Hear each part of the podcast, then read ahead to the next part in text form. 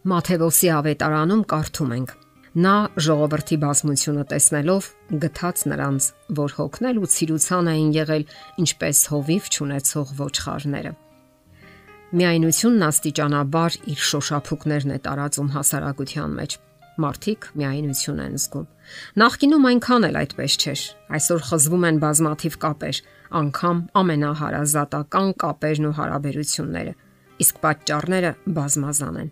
Նյարդաբանական բնագավառի գիտական հետազոտությունները, որոնք վերաբերում են մեր կենսաբանական կառուցվածքի հիմքերին եւ ուղեղի զարգացման գործընթացներին, վկայում են, երեխան խիստ կարծր ձևով ծրագրավորված է դեպի կապերը։ Մենք ծրագրավորված ենք այնպես, որ հարաբերվենք մարդկանց հետ, որովհետև մենք սոցիալական էակներ ենք։ Մենք միտված ենք բարոյական ու հոգեվոր մտորումների, մեր սահմաններից դուրս գալու ընտունակության։ Կապի հիմքային այդ պահանջների բավարարումը հսկայական նշանակություն ունի մարդու առողջության ու բարգավաճման համար։ Հոգեբանությունը բացահայտում է այն, ինչ Աստված է դրել մարդու հոգում։ Գիտնականներն այսօր 21-րդ դարում միայն հայտնաբերում եւ parzabանում են այն, ինչ Աստված սահմանել ու նախատեսել է մարդու համար մարդկային առողջ փոխհարաբերություններ, հասարակական առողջ կապեր եւ վերջապես սիրո ու միաբանության հարաբերություններ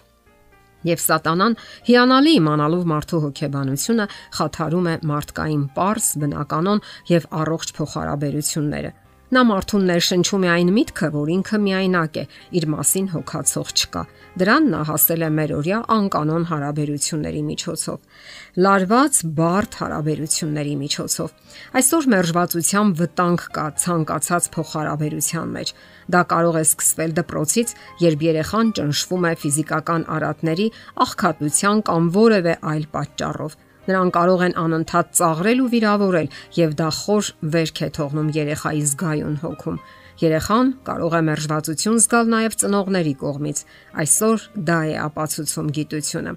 Կյանքում մենք շատ հաճախ ենք տեսնում աղավաղված հոգեբանությամբ մեծահասակներ, ովքեր չեն ճանաչել ծնողական հրաշալի հարաբերությունները եւ կյանք են մտել վիրավորված, լքված ու մերժված։ Նկատվել է, որ նման մարդիկ չեն կարողանում սեր ընդունել եւ իրենց սերն արտահայտել։ Նա ով երբեք չի սիրվել, ինքն էլ չի կարողանում սեր տալ։ Իսկ ահա մեր հանդեպ սերը առաջացնում է պատասխան զգացում։ Հովանես Առաքյալը գրում է.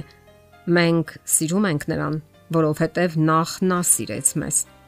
Ահա թե ինչու մարդը երբեք չի տխրելու, որովհետև Աստված առաջինը սիրեց մեզ որովհետև մենք միայնակ չենք։ Աստծո այդ անշահախնդիր սերն է, որ մեզ դրթում է նույն ձևով պատասխանելու նրան։ Իսկ եթե մարդը չի ճանաչում ոչ Աստծո, ոչ էլ ծնողների սերը, ապա այդ հատկության բացակայությունը կարող է սերնդե սերունդ փոխանցվել իր ողջ բացասական հետևանքներով թվում է, թե սա այնքան էլ կարևոր հարց չէ եւ չի կարող լուրջ հետևանքներ ունենալ, սակայն դա այդպես չէ։ Այդպիսի մարդիկ տարապում են մերժվածությունից ու թերարժեքությունից եւ դա կարող է թունավորել նրանց ողջ կյանքը։ Եվ վերջնական արդյունքում դա դառնում է հասարակական ու սոցիալական հիմնախնդիր։ Լքված, մերժված ու չարացած մարդկանց հսկա բանակը հիմնախնդիրներ է ստեղծում նաև շրջապատի համար։ Դրա արդյունքում է, որ հասարակական կյանքում սկսում է իշխել անբարյացակամությունը, անտարբերությունը, անվստահությունը միմյանց հանդեպ, մակերեսային ջերմությունից զուրկ հարաբերությունները։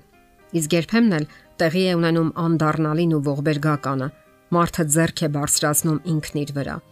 Լուրերի հաղորդագրությունների բաժնում տեղադրվում է մի կարճ ու սարսափելի հաղորդագրություն, ինչ որ մեկը ինքնասպանություն է գործել։ Դրանք միայնակ լքված ու մերժված մարդիկ են։ Սակայն Աստված միշտ է օգնության ձեռք մեկնում միայնակ ու մերժված մարդուն։ Նա երբեք անտարբեր չէ տարապող եւ հոգու ցավ ապրող իր զավակների հանդեպ։ Ահա թե ինչ է ասում նա Եսայա մարգարեի բերանով. Մի վախեցիր, որովհետև ես քեզ հետ եմ։ Մի զարհուրիր, որովհետև ես քո Աստվածն եմ։ Ես քեզ կզորացնեմ ու կօգնեմ քեզ, նաև նեցուկ կլինեմ իմ արթարաչով։ Եվ երբ մարդը իր միայնության մեջ դիմում է Աստծուն, նրա միայնությունը անհետանում է։ Նա կարող է ապրել նոր կյանքով, նոր հնարավորություններով, ավելի վստահ եւ հույսով լի կյանքով։ Եթե միայն մարդը հասկանա իր հիմնախնդիրը եւ դիմի Աստծուն, նա կարող է նորովի իմաստավորել իր կյանքը, ապրել ապագայի համար, հավերժական կյանքին արժանանալու համար։ Հակառակ դեպքում նա պետք է տարապի ներքին հիմնախնդիրներից։ չհասկացված լինելուց եւ լքվածության զգացումից։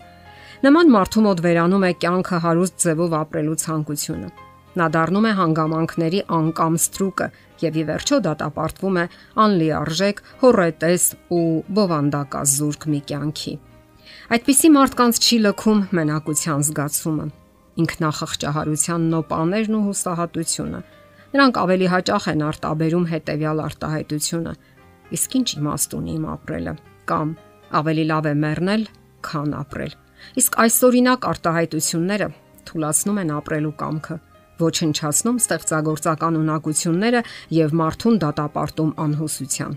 Սակայն մարդը Աստվածային արարչագործության գլուխգործոցն է։ Եզակի եւ անկրկնելի մի էակ, ով արարվել է իր արարչի պատկերով ու նմանությամբ։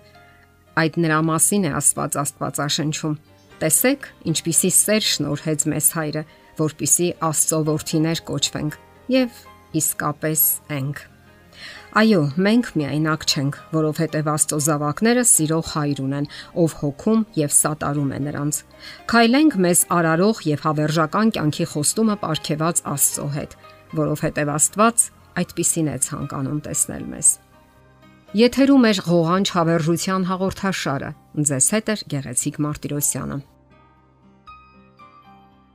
Հարցերի եւ առաջարկությունների համար զանգահարել 033 87 87 87 հեռախոսահամարով։